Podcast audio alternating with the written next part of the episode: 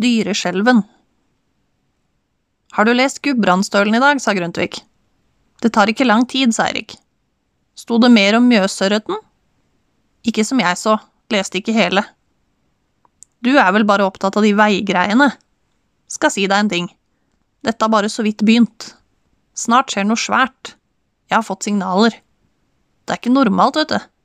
Ørret på 15,7 kilo. Må være eksperimentfisk som har rømt. Jeg tror det er helt vanlig fisk, sa Erik. Regjeringa har oppdrettsanlegg på den nedlagte Huntonitt-fabrikken ved Gjøvik. De ynglende vitaminer. Jaha, hvorfor skulle de finne på noe slikt? Jo, det er bare å se på utviklinga. Russerne og islendingene tar over. Snart har vi ikke adgang til egen kyst. Så Korvald-regjeringa tok affære i 1973. De skjønte at vi må være selvforsynt med innenlandsfisk, men den må være større. Erik tok opp et Smiths-speedometer som lå ved en bakaksling. Kilometertelleren sto på 99 032 km. Amerikanske spesialvitaminer, fortsatte Grundtvig. Lisensprodusert på Raufoss, på det avstengte Nato-området til ammunisjonsfabrikken. De sier at de lager patroner, men det har de ikke gjort på mange år. Amerikanerne kan dette. Se på elgen der. Unormalt diger. Laksen også. Men elgen i USA var ikke så stor før. Det er bare å se på bilder, det. Du skulle ikke ha liggende en Opel-motor, sa Erik. Opel? Opel. Jo da. To liters firer?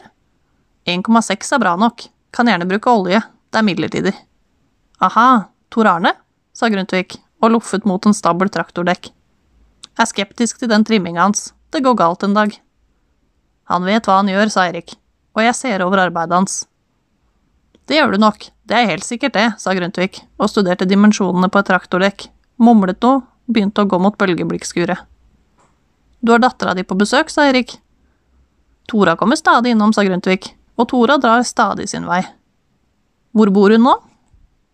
Hun har sitt nordpå, vet du, sa huggeren og smatt innenfor rulleporten. Innenfor den mørke glipen, med ekko fra den store hallen over stemmen, sa han.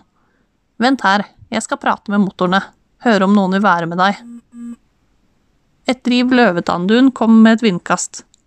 Erik gikk ut på tomta, forbi den gamle Bedforden som hadde tilhørt ysteriet, passerte noen rustne gravemaskinarmer, en Mercedes-motor og en Peugeot uten dører. Og der var Buicken. En rød 1953 Buick som skulle ha vært hugget for mange år siden. Regnvann og løv fløt i takpulken han hadde slått den gangen. I baksetet så han vindusviskerarmene. Ved siden av lå pilsflaska han hadde drukket. Dørhengselet knirket da han satte seg inn. Ei bjørk hadde vokst gjennom et rusthull i gulvet. Bladene sto grønne mot spindelvevet på setene. Erik strøk på bjørka. Et benglete lite tre som kanskje begynte å vokse den sommeren sommeren da det var et ledig sete på gymnasbussen ved siden av Tora Grundtvig. Tora som snakket så sjelden at lærervikarene trodde hun var halvrar. Tora som aldri kunne si noe rett ut, bare ga hint. Tora som siste dagen før sommerferien vred seg på setet og gjorde plass. Han satte seg, hun lente hodet mot ruta og glodde ut mens bussen kjørte langs Sokna, flomstor og grønn, samme farge som øynene hennes. Hun rakte Erik den ene øreproppen fra en Walkman, og han hørte Heart of Gold med Neil Young for første gang. Dagen etter tok han mopeden ned til huggeriet, kjørte sakte, så sola slå gjennom bladverket og drople veien med lys og småskygger.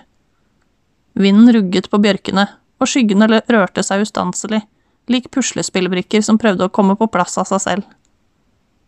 Synet av den svære huggeritomta åpnet seg.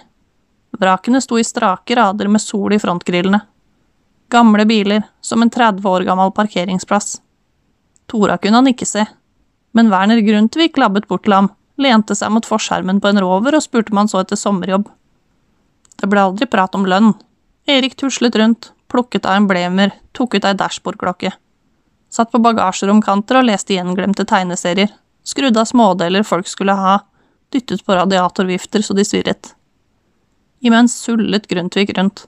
Den blekgule hjullasteren hans puffet svart dieseleksos når han løftet bilene mot himmelen med hengende hjul.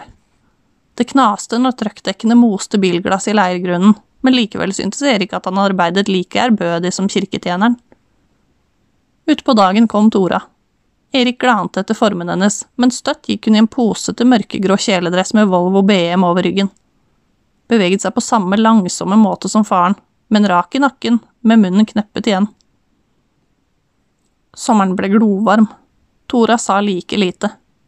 Erik åpnet dørene på biler som hadde stått i solsteiken, kjente varmeblaffet slå ut som fra en ovn, og når et nytt, glohett sete sved mot baken, hadde han alltid valgt det for å se Tora bedre. Juli passerte på den måten, den tynne alven blant rustne bølgeblikkskur og frontskadde taunuser, et syn som ble fulgt av den innestengte lukta fra bilene han satt i. Smeltemjuk vinyl, lortete gummimatter og muggen polstring, en sjelden gang lukta av skinninteriør. Det meste blir pent på et bilopphuggeri. Tora gjorde ikke mye ut av det lange, blåsvarte håret, men likevel skinte hun her, svart og ren, mens hun gikk mellom vrakene, i den kvestede fordervelsen av rust og forfall. Andre jenter i samme alder kunne sende ham ut i et virvar av solbrent, avstandsforelsket kåtskap, men Tora ble aldri ei som tvang vekk det sjenerte i ham.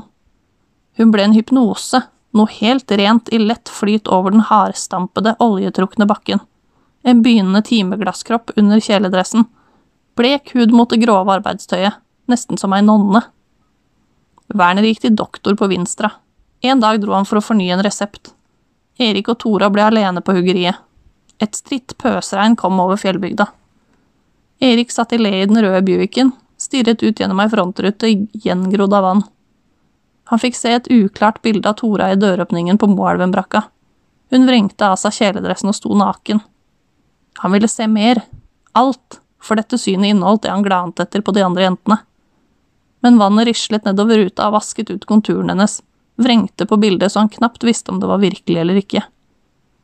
Han skalv, skalv så hardt at det måtte ligne dyreskjelven elgjegerne fortalte om, tenkte på å åpne bildøra, våget ikke, unnskyldte seg selv med at hun var noe skjørt som ble ødelagt hvis han tok på det. Tora sto så lenge at han lurte på om hun ble kald. Til slutt gikk hun inn i brakka. Han hev seg på mopeden og dro hjem. I helga traff han henne utenfor samvirkelaget, under festplakaten til utefesten, og endelig sa Tora Grøntvik en ordentlig setning det gikk an å skjønne. Hun spurte om de skulle møtes ved bilene. Ja, sa Erik. Vi møtes ved bilene. Erik kom til seg selv da Grundtvig skumpet over tomta med en motor på tralla. Hør her, Erik. Jeg hører. Jeg har tenkt på noe en stund. Det er det helt sikkert at jeg har. Hva har du tenkt på? Hvis det går i dass med stasjonen din, du vet, spør du om jeg vil overta her? Har pratet med Tora om det, men det er liksom ikke kvinnfolkarbeid. Jeg kan si deg én ting, dette er et veldig fint huggeri. Erik steg opp i F-150-en, vinket gjennom sideruta, så Grundtvig vinke tilbake. Da han rundet porten, så han en frisk og blank farge i sidespeilet. Uvergelig slapp han gassen og hørte knasingen fra grusen skifte tone etter hvert som F-150-en mistet farten. Bak Moelven-brakka sto Tora Landstads kobberfargede pickup, skinnende i skjærereire av forvitret jern. Skal jeg rygge? spurte han seg selv. Ja, Forresten, nei. Om Tora Landstad hadde villet noe, kunne hun kommet ut fra brakka, tenkte han og svingt ut på grusveien.